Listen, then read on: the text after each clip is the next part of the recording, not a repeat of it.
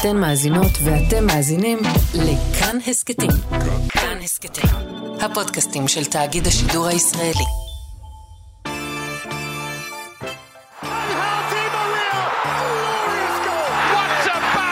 Messi, Messi, Messi, Messi. Gol, gol,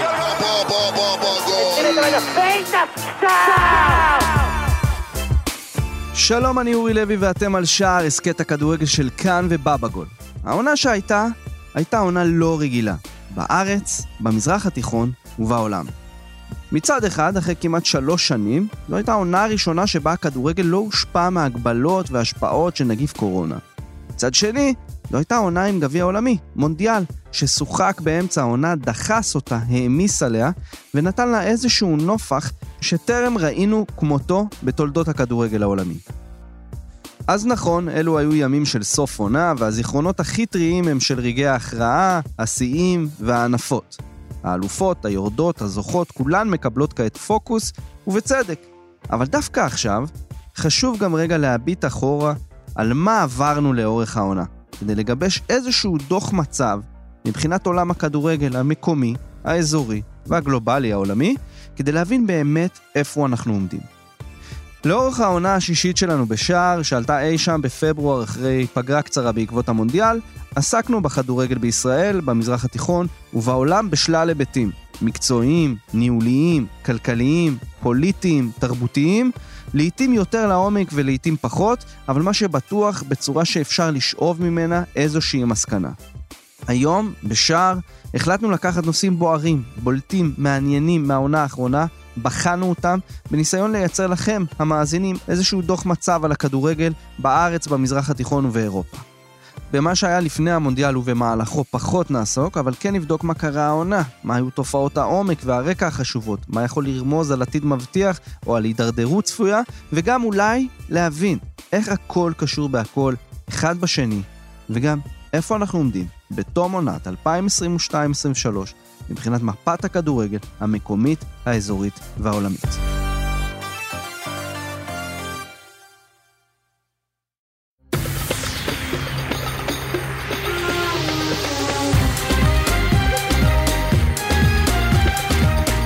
עונת 2022-2023 בישראל הייתה עונה סוערת. מכבי חיפה הגדולה של ברק בכר זכתה באליפות שלישית ברציפות, תוך קמפיין שלב בתים מכובד בליגת האלופות.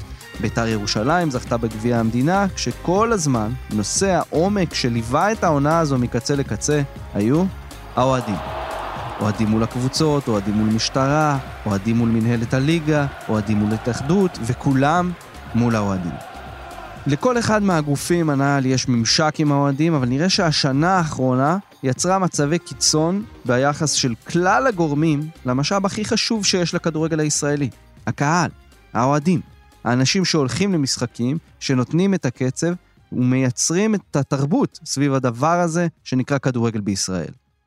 זו הייתה שנה שבה כמעט כל משחק גדול כלל מופע פירוטכניקה ברמות שונות, עם כמות אבוקות שטרם ראינו כמותה בישראל, עונה שתפאורות לא אושרו שוב ושוב עד רגעים לפני המשחקים, שמשחק העונה בין הפועל באר שבע למכבי חיפה הסתיים בקטטה מכוערת, שגמר גביע הסתיים בפריצה של אוהדים לדשא וגניבה של מדליות, ומספר לא מבוטל של משחקים שוחק עם יציאים סגורים. אוהדים ומקבלי ההחלטות ואוכפי החוקים כאילו שיחקו בחתול ועכבר, כאשר מי שצריך לקרוא את המצב, לנתח ולהוביל שינוי, נשאר דומם, וכשהוא לא דומם, הוא פשוט פועל נגד תרבות האהדה בישראל, ובמובן מסוים, גם נגד האוהדים. אחד השיאים של התופעה הזו היה סאגת העברת משחק הפלייאוף בין הפועל באר שבע למכבי חיפה מאיצטדיון טרנר לאיצטדיון הי"א באשדוד. בפרק 78, בסוף אפריל, יוסי מדינה, בא בגול, הצליח לגעת בשורש הבעיה. תראה, אני חושב שההזזה של המשחק לאשדוד, אני חושב שאף אחד לא ציפה את זה, אם יש מה שהייתי רוצה שיקרה, אם כבר לא מבטלים את הרדיוס, שהמשחק הזה כן יתקיים באשדוד, למרות הכל. כי אני רוצה שהתמונה הזו של המשחק באשדוד, משחק על האליפות, ברדיוס, במגרש הזה ששבוע שלם אנחנו שומעים uh, קרנבל, כן מתאים, לא מתאים, דברים כאלה, שהתמונה הזו תצטרב, כי אם ההתאחדות חושבת שעונשי רדיוס הם עונשים לגיטימיים, ההתאחדות צריכה לשאת בתוצאות. אבל אני כן רוצה להתעכב שנייה על משהו שאני אומר, ההתאחדות חושבת שהעונשים האלה לגיטימיים. בסוף העונש הזה לא נפל מהשמיים, הוא מופיע בתקנון. מי שבסמכותו לשנות את התקנון, זה הנהלת ההתאחדות. בואו ניתן שנייה לגוף האמורפי הזה, הנהלת ההתאחדות, גם פנים ושמות. כי מי יושבים שם בין היתר? יושבת שם אלונה ברקת, יושב ינקלה שחר, מורן מאירי ממכבי תל אביב, שרון ניסנוב הפועל תל אביב, כפיר אדרי מנכ"ל בית"ר ירושלים, כל, הקבוצות הגדולות יושבות שם, ואף אחד לא, לא מרגיש צורך לשנות את התקנון, למרות שכולם יודעים שיש בעיה עם עונשי הרדיוס. עכשיו, לוקח שנייה אחורה, 2019, הדרבי הראשון בבלומפילד המחודש, כיסאות נשרפים, עונשי רדיוס אה, עפים באוויר, וההתאחדות יצאה בהודעה, אנחנו נקים ועדה לבחון את עונשי הרדיוס מחדש. עכשיו, עברו כמה שנים, ואני לא זוכר, כי היה קורונה, דברים, לא זכרתי אם התקבלה איזושהי החלטה כתוצאה מהוועדה, אולי לא התכנסה בכלל, התכנסה הוועדה. שבו, אכלו קצת בורקסים, עם מה הם יצאו? עם שינוי תקנון. אבל okay. אוקיי. מה היה שינוי התקנון? שעכשיו אפשר לא, להעניש אוהדים גם על התפרעות במשחק חוץ. כלומר, הוועדה שנועדה לבחון את עונשי הרדיוס, הרחיבה את סמכויות הענישה. מדהים. על המשחקים שכביכול... יש, כאילו, זה מוגדר, אני ראיתי את זה, אגב, פעם ראשונה ראיתי את הסעיף בתקנון השבוע, כל קבוצה מצהירה מראש איזה קהל, זה, זה מוגדר כיציע של אוהדים אדוקים, ככה זה כתוב. ואחד מהעונשים החדשים זה שאפשר לסגור את היציע הספציפי, כאילו מגדירים מראש איזה יציע, אם זה מזרחי של בית"ר ירושלים, הדרומי בבאר שבע, כל הדברים האלה. כלומר, זה מוגדר כבר בתקנון. מדהים. עכשיו, במשך המון המון זמן אמרו לנו, זה הקבוצות הקטנות שמות מכשולים, זה אי אפשר איתם, אי אפשר בלעדיהם, כל מיני דברים כאלה. ופתאום אתה רואה כמה גם הקבוצות הגדולות כבר לא מעניין אותם הקהל. כלומר, הקהל מבחינתם הוא נטל. זה הרבה יותר מזה, זה לא רק בסיפור הזה ספציפית של הרדיוסים. דיברנו מוקדם יותר העונה על הנושא של המעורבות המשטרתית. הייתה ועדה גם כן עם המשטרה, עם הרחבת הסמכויות שלהם. מי כן. ישבו שם? נציגי הקבוצות הגדולות, והם יצאו עם בשורה. בואו ניתן עוד סמכויות למשטרה. היה גם את הדרבי הזה, ש... שהמשטרה פתאום אה, כן, לקחה אחריות. כן, רבע שעה לפני המשחק, משטרת כן ישראל לוקחת אחריות על משחק. מי בעצם לוקח אחריות על דברים? עכשיו, אוהד מתפרע באיצטדיון כדורגל, מי אמור לתפוס אותו? המשטרה? הקבוצות? כלומר, אף אחד פה לא... יש פה המון המון בלאגן סביב הנושא הזה. בסוף יש פה דבר אחד שהוא מאוד מאוד ברור. אף אחד, לא קבוצות גדולות, לא קבוצות קטנות, לא סתם גורמים בתוך ההתאחדות, אף אחד פה כרגע מבחינתו לא רואה באוהדים חלק מהמשחק. שהמשחק יתקיים, זה לא משנה איפה, יגיע קהל, לא יגיע קהל, זה כבר לא מעניין אף אחד. ואז אני שואל את עצמי, את הקבוצות זה לא מעניין, אז מי כן אמור כבר לחשוב על האוהדים? שאלה פתוחה.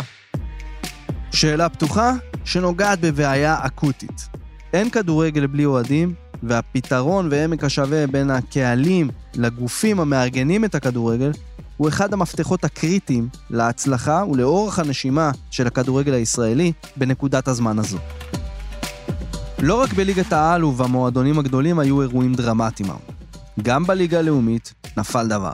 אחרי 13 שנה, אחי נצרת, פעם אחת הנציגות הבכירות של החברה הערבית בכדורגל, ששיחקה גם בליגת העל, ירדה לליגה א'. לפני חודש, אדם חביבאללה, i24 News, הסביר מה עומד מאחורי זה ואת הקשר בין הירידה של האחי נצרת למצב בחברה הערבית בארץ בכלל. תשמע, הכתובת הייתה על הקיר. Mm-hmm. על הקיר. כי הקבוצה הזאת הידרדרה בשנים האחרונות. אני חושב גם, אה, זה נגוע בכמה דברים. הקבוצה הזאת הייתה בליגת העל, פתאום ירדה לליגה לאומית, משם לא דאגו להחזיר את הקבוצה לליגת העל.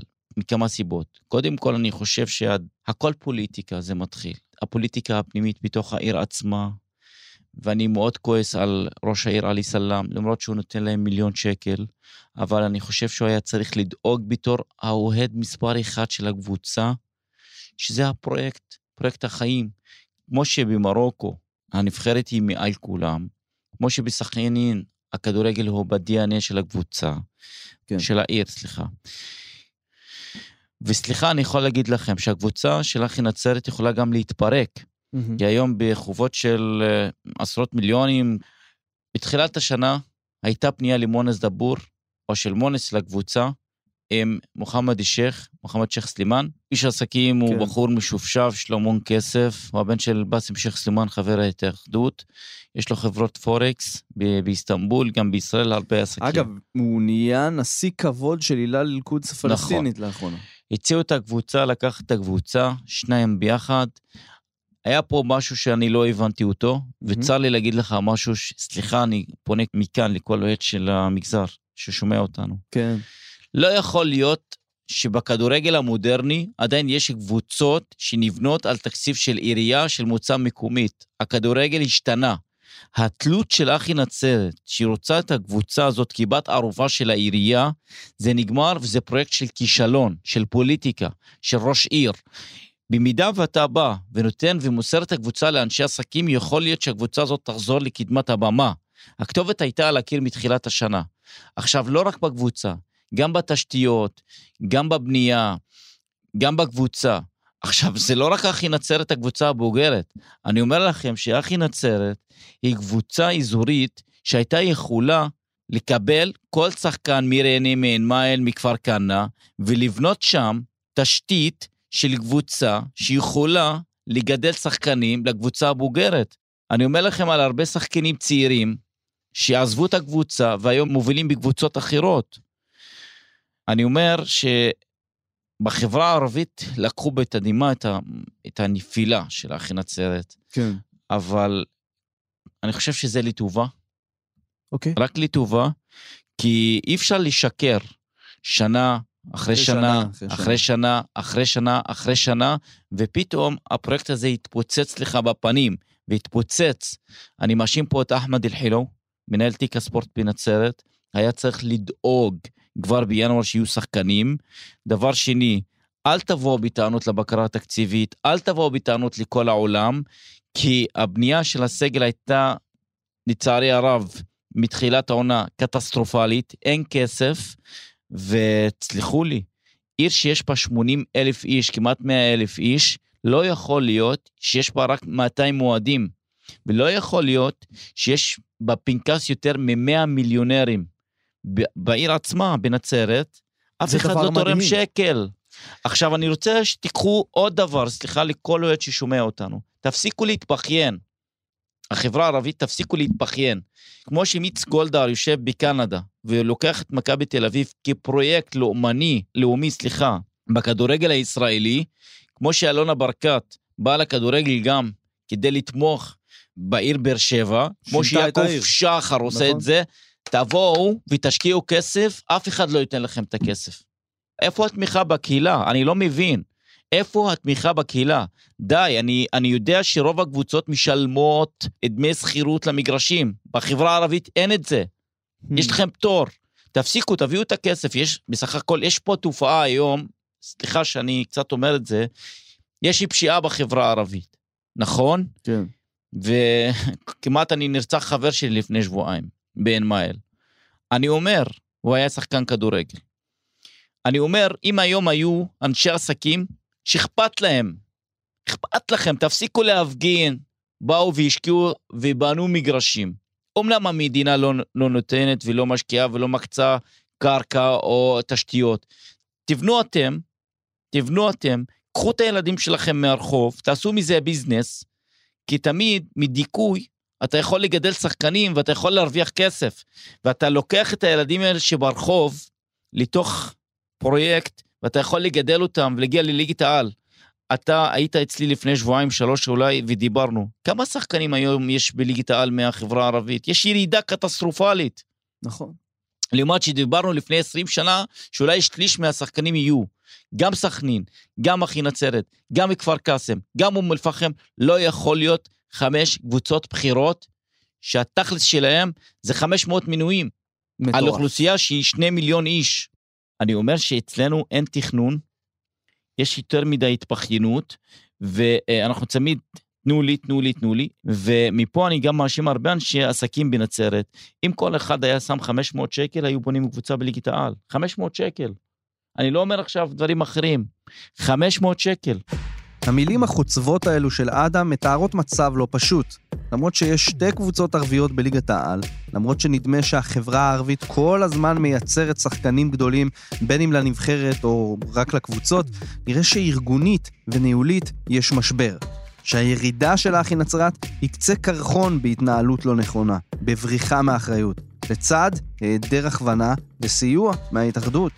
אבל בדיוק כשחשבנו שהירידה של האחי נצרת והכישלון של הפרויקט בסכנין הם בבואת הכל כשזה מגיע לכדורגל הערבי בישראל, גם מכבי בני ריינה הצליחה להישאר בליגה, וגם הגיעה הנבחרת הצעירה וסיפרה לנו סיפור אחר לגמרי. הנה זה עולה, מי מגיע?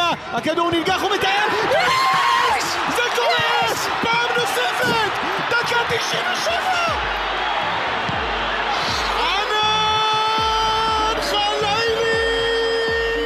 זה מה שהיה לי להגיד על הנבחרת של אופיר חיים, ענן חלילה, חמזה שיבלי ודור תורג'מן אחרי שמינית הגמר, רגע לפני המשחק האדיר מול ברזיל, רגע לפני שהם הביאו את הנבחרת להישג השיא של הכדורגל הישראלי בכדורגל. אני חושב, אחד הרגעים הכי אדירים היו באמת השער הניצחון השני של ענן חלילה על אוזבקיסטן. רגע מדהים קרה אחרי המשחק.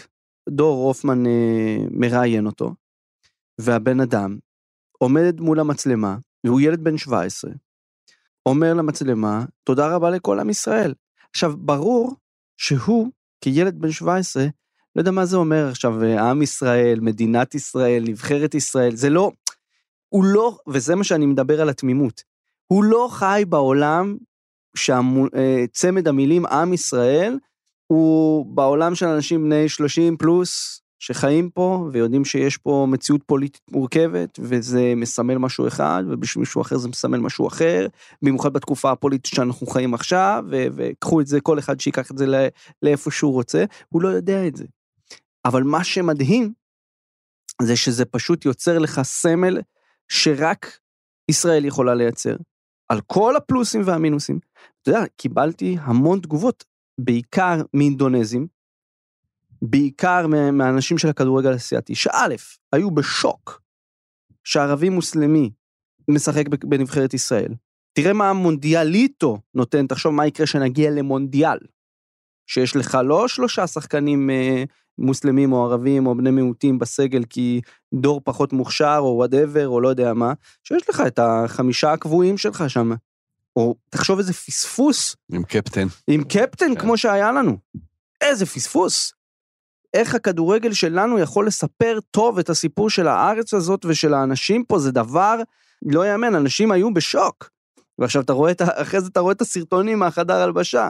זה, זה לא רק הבלבול שלו להגיד בלבול או חוסר מודעות או תמימות או, או אתה יודע מה, או לב פתוח להגיד אה, תודה לעם ישראל שתומך בנו מהבית בשתיים בלילה, זה גם שהוא שר וקופץ עם אה, אילה עם אדמון ואופיר חיים איזה טוב השם בח, בחדר ההלבשה. אתה מבין, הכדורגל הישראלי מייצר מציאות שהיא לא קשורה למציאות בישראל. אם בישראל החברה הערבית זה חמישית מהאוכלוסייה, אה, ובכל דבר כאילו הם 25, אה, 20 אה, אחוז מהזה, אולי רוקחים, מהנדס, וואטאבר, הם, הם טיפה יותר, בכדורגל הם שליש, והם הרבה יותר חלק מה, מהסיפור הזה. ואני חושב, עזוב חושב, אני מקווה שהנבחרת הזאת, שבאה לנו בטיימינג משוגע מבחינת המציאות הפוליטית החברתית שאנחנו חיים בה, שהיא תיתן לאנשים השראה, לא רק להישאר בכדורגל. מקווה מאוד שהיא תיתן השראה ל, אה, למיקי זוהר, לשר הספורט, גם לבן גביר, שהיא תיתן השראה לכל מי שיש לו אה, טיפה שכל בראש, ורואה מה אפשר לעשות, שיש תמימות, שיש לב פתוח, שלא מסתכלים מה עושים. זה יכול, הנבחרת הזאת, המסר שלה, ההודעה שהיא נושאת, יכולה להיות הרבה יותר אה, גדולה לפי דעתי. נבחרת הנוער רשמה הישג שהוא גדול והיסטורי מבחינתנו כישראלים, על המגרש ומחוצה לו. ועדיין חשוב לזכור שזה טורניר נוער. אלו הם שחקנים צעירים מאוד, רובם לא ימשיכו כשחקני בוגרים בטופ של המקצוע, ובפרק 75, כשעוד הייתה סערה אדירה סביב אינדונזיה והמונדיאליטו, עם מאיה טאגה, קפטן מכבי נתניה ושחקן הנבחרת הצעירה לשעבר, שהגיע פה להשתתף בפרק, שיתף מהניסיון שלו, כשחקן נבחרת צעירה שעשתה משהו מיוחד, אמנם לא מיוחד כמו מקום שלישי בגביע העולם, אבל כן הייתה הראשונה להפיל ליורו הצעירות. אז דווקא עכשיו, אחרי ההישג האדיר של נבחרת הנוער, רגע לפני עוד יורו עד גיל 21 שישראל משתתפת בו, טוב לשמוע את הסיפור הזה של אימאיה, חבר נבחרת הצעירה של 2007. עצם העובדה שזה היה הטורניר הראשון אה, בהיסטוריה של מדינת ישראל, אז זה כבר העלה את סף ההתרגשות. אבל אה, ראינו בזה, אני חושב שכל אחד ואחד מהשחקנים גם ראה בזה כ- כהזדמנות, למנף את הקריירה שלו. ובכלל, אתה יודע, להיות אה, גם באווירה, זה לא רק אנחנו, גם בכלל ההתאחדות מגיעה לטורניר גדול כזה פעם ראשונה. אמנם אה, פיקששנו בטורניר, אבל אה, ברמה האישית באמת אה, הייתה לי חוויה יוצאת דופן. אה, במשחק הראשון אה, אמנם לא, לא, לא שיחקתי, במשחק השני כבר פתחתי, והיה לי משחק אה, מעולה, ואני אומר הזדמנויות, אז אחרי המשחק הזה הגיע אליי, ישבתי בחדר, ואז ברק יצחקי, אומר לי, תקשיב, מחכים לך סוכנים במלון, בלובי. אני הולך... כבר אז הוא היה מתעסק ב... לא, לא, לא. אני וברק היינו בחדר, ביחד אוקיי. בחדר. ואז חיכו לי שני סוכנים אה, ועוד אה, סוכן ישראלי שאני לא זוכר את שמו אפילו. בדיוק חתמתי במכבי נתניה לעוד שלוש שנים. טוב, מתחילים לדבר, אה, מי הסוכנים שלך בארץ? אמרתי. איתם אנחנו פחות עובדים, אבל אה, טוב, בוא נראה איך, איך אפשר להוציא אותך. אמרתי, טוב, דברו עם אה, דניאל יאמר, כאילו, אני רק חתמתי, אני חוזר לארץ. בסוף לא יצא מזה כלום, כי דניאל יאמר סירב לשחרר אותי. לא יודע גם אם זה הבשיל באמת לכדי... הצעות באמת, וכן. אה, הצעות קונקרטיות. אבל הטורניר עצמו הוא באמת הזדמנות לשחקנים האלה, זה דברים שלא חוזרים. אתה יכול למנף את הקריירה שלך בצורה אדירה. זה, יש להם את ההזדמנות הזאת, וגם, אתה יודע, גם ללמוד מהטעויות שלנו, אה, שעשינו, אנחנו אז. אתה יודע, עברו כמה שנים מאז, ברור. והיום העולם השתנה לגמרי. שילמדו מהטעויות שלנו באמת להמשיך ולעבוד קשה ולנצל את ההזדמנויות האלה שיש, ואם יש הזדמנות לצאת החוצה ולשחק בחו"ל, לעשות את זה בלי לחשוב פעמיים בכלל, ולא לחשוב מה אתה מרוויח עכשיו. עכשיו אתה שחקן צעיר, גם אם אתה מרוויח 4,000 שקל בחודש, היותר חשוב הוא אה, לשחק כדורגל, שתהיה על המגרש. את הכסף אתה תביא בהמשך. זה בעיקר כי מהנבחרת שלנו לא הגיעו יותר מדי שחקנים, אנחנו היינו נבחרת מצוינת. מדהימה. נבחרת מדהימה, שכל שחקן שאני אגיד, אני לא יודע, כאילו, אני, אני לא יודע אם אתה נבחרת צעירה, כולל הנבחרת הנוכחית שעלתה לאליפות אירופה, מהמם. אם הם בכלל משתווים לאותם שחקנים. כן, גם אם אני לוקח. אחד-אחד, להוציא אולי שניים, שלושה שחקנים שהיו יכולים להיות בחלק מהנבחרת של אז. ולא הגענו באמת, השלט של אותה נבחרת היה צריך אה, להרכיב את הנבחרת הבוגרת הבאה, מהמם. שיוביל אותנו לטורניר, ולא עשינו את זה. מהמם. לא עשינו את זה, וזה, ועל זה צר לי, וכמובן, אתה יודע, האשמה היא קודם כל עלינו השחקנים, אבל גם ההת, ההתאחדות לכדורגל הייתה צריכה להתנהל אחרת, אנחנו היינו צריכים להתנהל אחרת, הקבוצות היינו, היינו צריכים להתנהל אחרת, משם חשבתי בכל אופן. שאמורה לצאת נבחרת שתוביל את הכדורגל הישראלי קדימה, לא עשינו את זה, אני מקווה שכל הגורמים שהזכרתי ילמדו מהטעויות שלנו, ובאמת שנרוויח את השחקנים האלה בעתיד. אז שמעתם? שחקנים, אנשי התאחדות, בעלי קבוצות, מאמנים, אמן ששמעתם.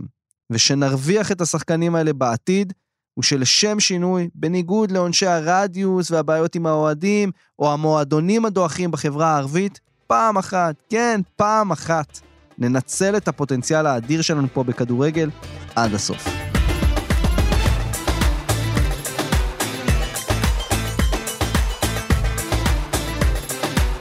את העונה הזו התחלנו במודע או שלא במודע עם פרק על סעודיה, עם רועי קייס, ראש דסק הערבים של כאן חדשות.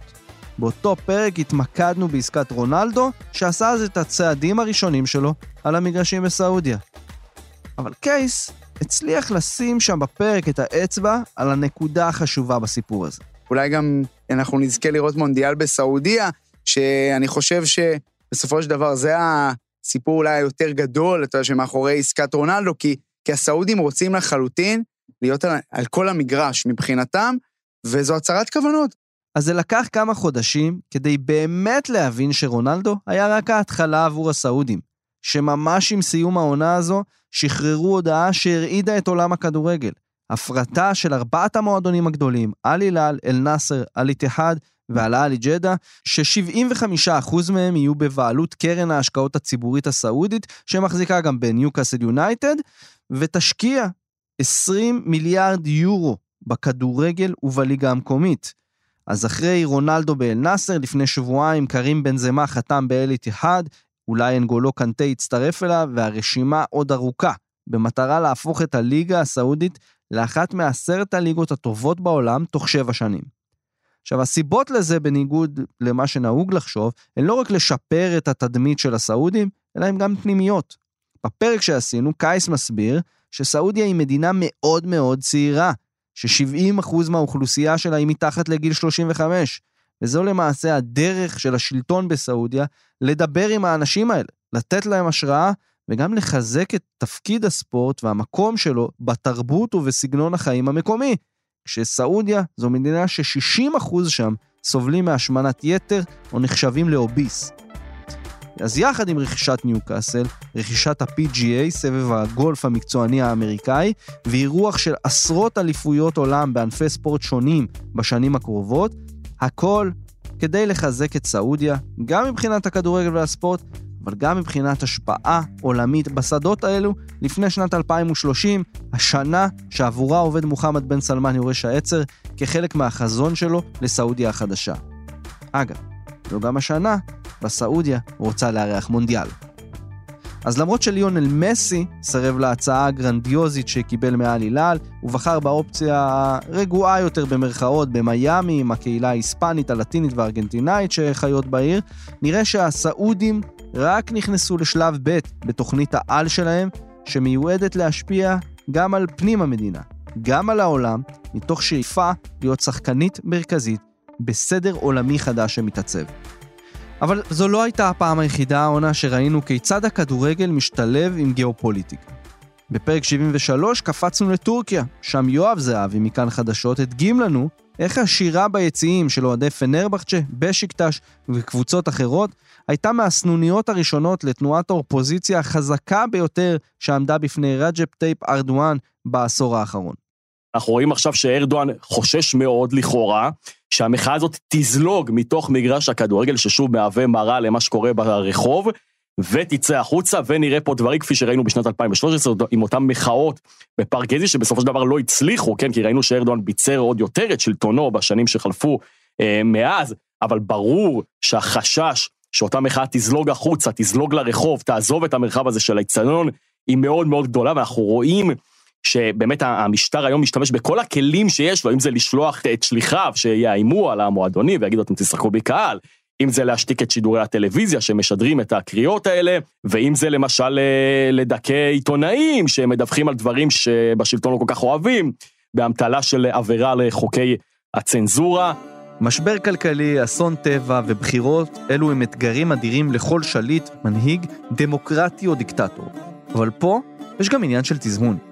וכשאתה מגיע אחרי אסון, שארדואן עצמו הגדיר אותו כאסון הלאומי הגדול ביותר שלנו, אה, שבו נהרגו כל כך הרבה אנשים וכל כך הרבה מבנים בעצם נחרבו, וכלכלה שלמה פשוט נעלמה כלא הייתה בכל כן. האזורים האלה, ברור שהאיש נמצא בבעיה, ואם הוא היה צריך למצוא תזמון בעייתי לרעידת האדמה הזאת, זה בדיוק בא בזמן הכי הכי בעייתי לארדואן.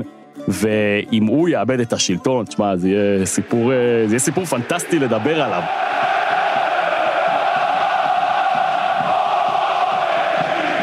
הסיפור הזה מראה לנו כמה דברים.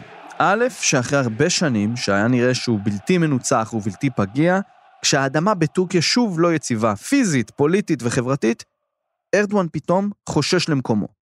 זה גם מראה לנו את הכוח של מועדוני העל בטורקיה, וספציפית של בשיקטש, שבכל פעם שהם יכולים להרים את הראש ולהצטרף למאבק, הם עושים את זה.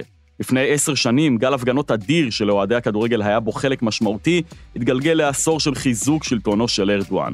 מה יקרה הפעם? עוד מוקדם להגיד. אבל מה שבטוח הוא זה שאחת התשובות, או חלק מהתשובה המרכזית, יגיעו מהיציע. אז למרות שזה אכן היה סיפור פנטסטי לדבר עליו, כמו שיואב אמר, ארדואן בסופו של דבר כן ניצח בבחירות. ועדיין, סיבוב הבחירות הזה בטורקיה עם רעידות האדמה שקדמו לו, לגמרי הראה את העוצמות של ההתנגדות לארדואן, את כמות האנשים שרוצים טורקיה אחרת, ואת הכוח של אוהדי הכדורגל במדינה הזו. העונה גם נסענו למרוקו ובדקנו את פרויקט הכדורגל שם, עקבנו אחרי הנעשה באיראן והקשר המתהדק שלה עם רוסיה דרך הכדורגל, וגם אחרי ענייני השעה בכדורגל הפלסטיני, שאיכשהו כמעט תמיד מחברים את ישראל עם המזרח התיכון, ולא תמיד בצורה חיובית או שנעימה לשמוע. בסיום עונת 2022-2023, המזרח התיכון ניצב בפני שער של עידן חדש. סעודיה והיכולות הכלכליות הבלתי מוגבלות שלה מתכוננת לשטוף את עולם הכדורגל העולמי באופן שישפיע גם עלינו. בעקיפין ובקטן יותר זה כבר קורה, כאשר ממש בתום העונה הזו אנחנו רושמים היסטוריה עם שחקן ישראלי יהודי ראשון בליגה של מדינה ערבית, כאשר עומר אצילי מסכם ב-LN מאיחוד האמירויות. וזו רק ההתחלה.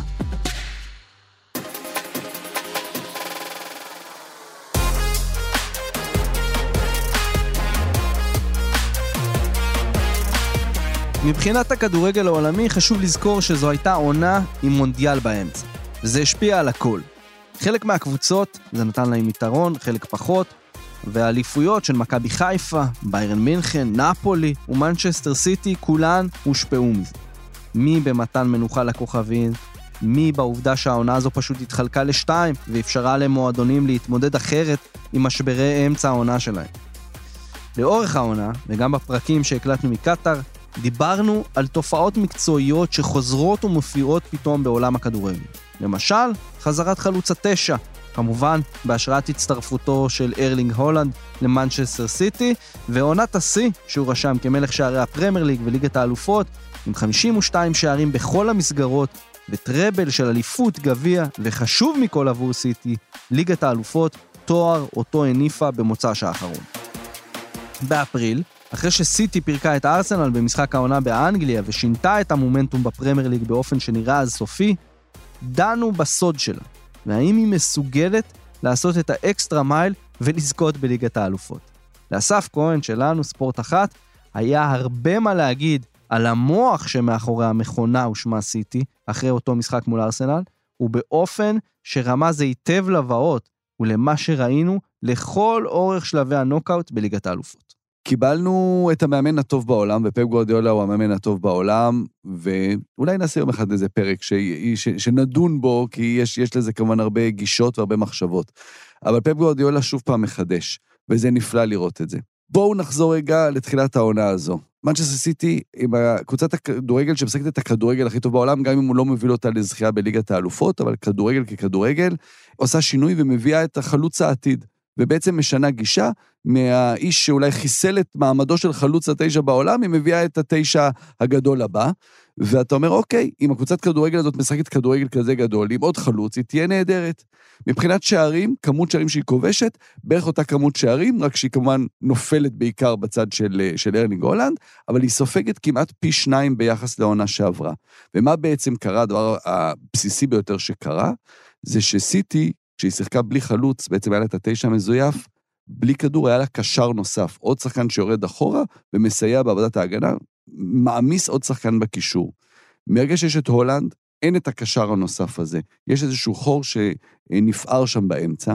לצד זה אני שם את אחד החידושים הגדולים של פפ בשנים האחרונות, שזה כמובן המגן הנוסף שנכנס לשחק כקשר.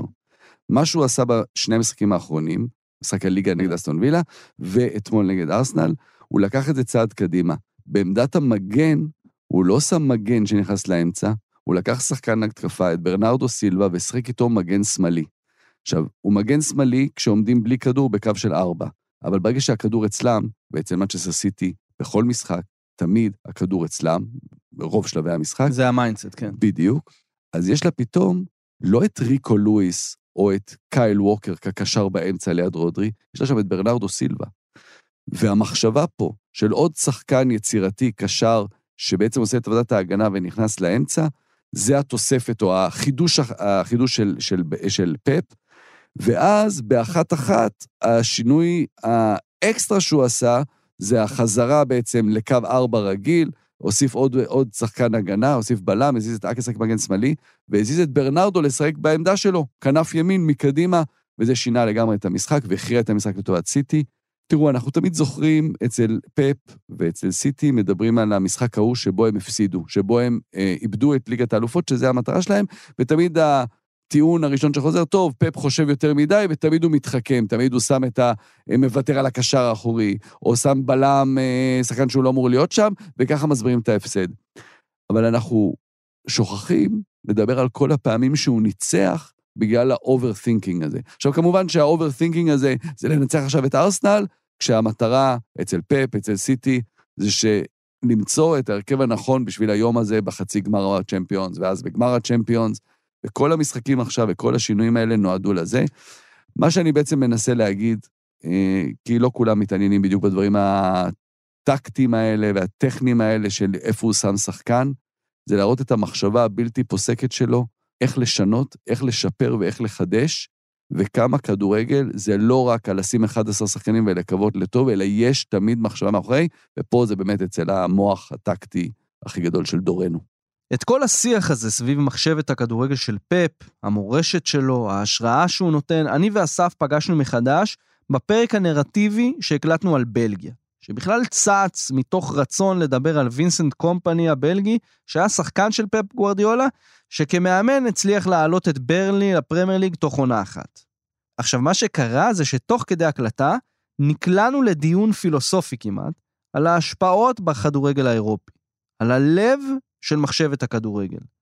בהקלטה ניסיתי לאתגר את אסף ולהבין האם בלגיה מתחילה לדחוק את הולנד כמדינה שמייצרת לא רק כדורגלנים, אלא גם מחשבת כדורגל. איפה המקום של הולנד כיום, בתום עונת 2022-2023, במפת ההשפעה הפילוסופית על הכדורגל העולמי. אז הקטע הבא רואה אור לראשונה אחרי שנפל על רצפת העריכה בפרק על בלגיה, שאם עוד לא האזנתם לו אז תעשו את זה.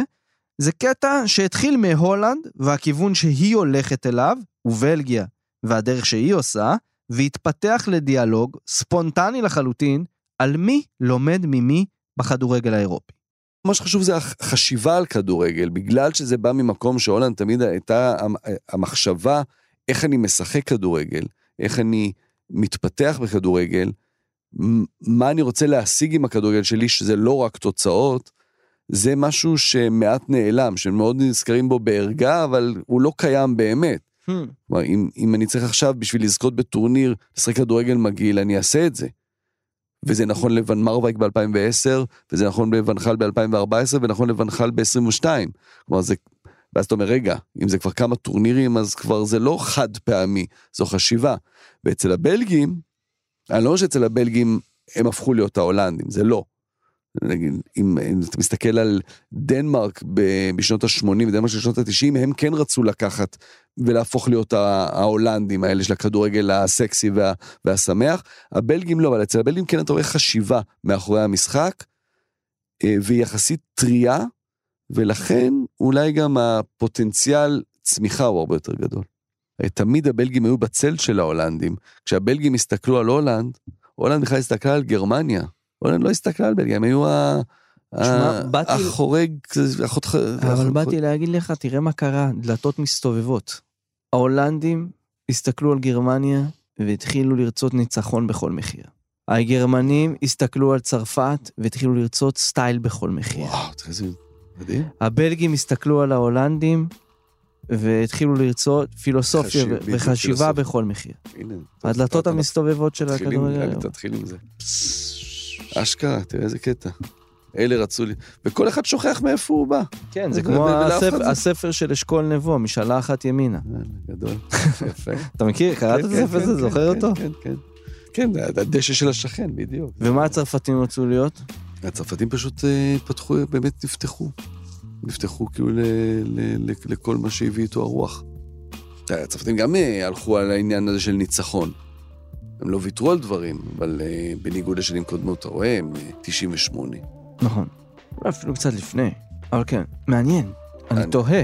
כי, כי הם עושים הכל, הצרפתים, אתה מבין? זה גם לגדל שחקנים, זה גם uh, סגנון משחק, זה גם הניצחון.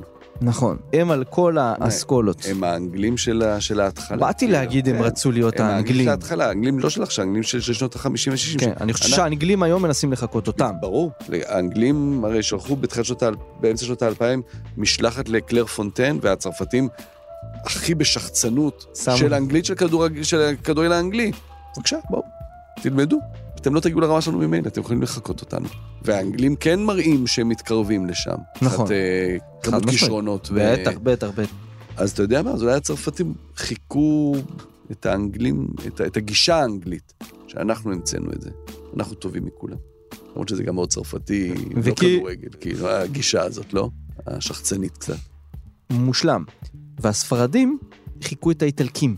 והאיטלקים לא חיכו אף אחד, כי הם מבחינתם יודעים הכי טוב. ואיפה הם? והם לא עולים לטורנירים. בדיוק.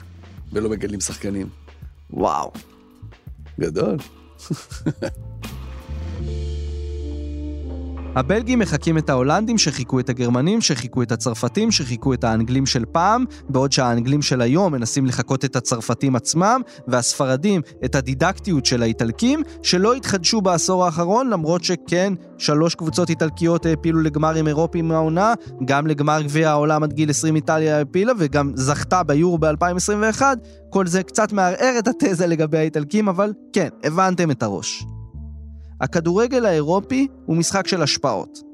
ובפרק על בלגיה דיברנו על החוט המחבר בין קרויף, מהולנד, פפ, גוורדיולה מספרד, ארטטה מספרד, קומפני מבלגיה ועוד, כשלמעשה בעונה הזו אנחנו עדים לאיזשהו פיק בענף הזה של רעיונות הכדורגל. פפ הופך למאמן הראשון אי פעם לזכות פעמיים בטראבל של אליפות, גביע וליגת האלופות עם שתי קבוצות שונות, ומעבר לזה, הוא הצליח פעם נוספת לייצר קבוצה שהיא masterpiece אמיתי של המשחק. עכשיו, איך כל זה מתקשר ביחד? או, מנצ'סטר סיטי של פפ היא קבוצה בבעלות משפחת השלטון באיחוד האמירויות, אל-נהיאן. הם מי שמספקים לפפ את המשאבים והכלים כדי לייצר את הכדורגל שלו. במקביל, איחוד האמירויות היא המדינה הקרובה ביותר לסעודיה, שסוג של למדה ממנה איך מתנהלים בעולם הכדורגל, וכעת מיישמת את המסקנות שלה עם סכומי כסף אינסופיים בניסיון ליצור סדר עולמי, ספורטיבי, כלכלי וגיאופוליטי חדש.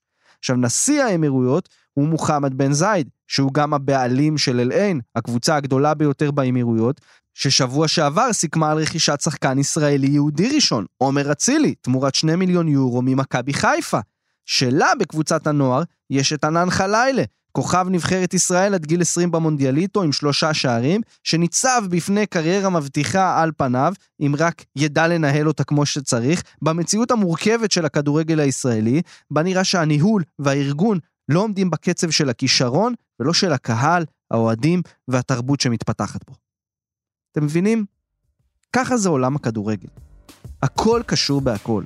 מקומי, אזורי, גלובלי, ישראלי, מזרח תיכוני, עולמי, זה מה שרצינו לתת לכם העונה בשער. פריזמה ייחודית על עולם הכדורגל ואת ההבנה של הקשר בין רעיונות טקטיים שמשתמשים בהם ברמות הכי גבוהות של אירופה לגיאופוליטיקה במזרח התיכון ואיך כל זה מתגלגל עד לכדורגל הישראלי והאתגרים שניצבים בפניו.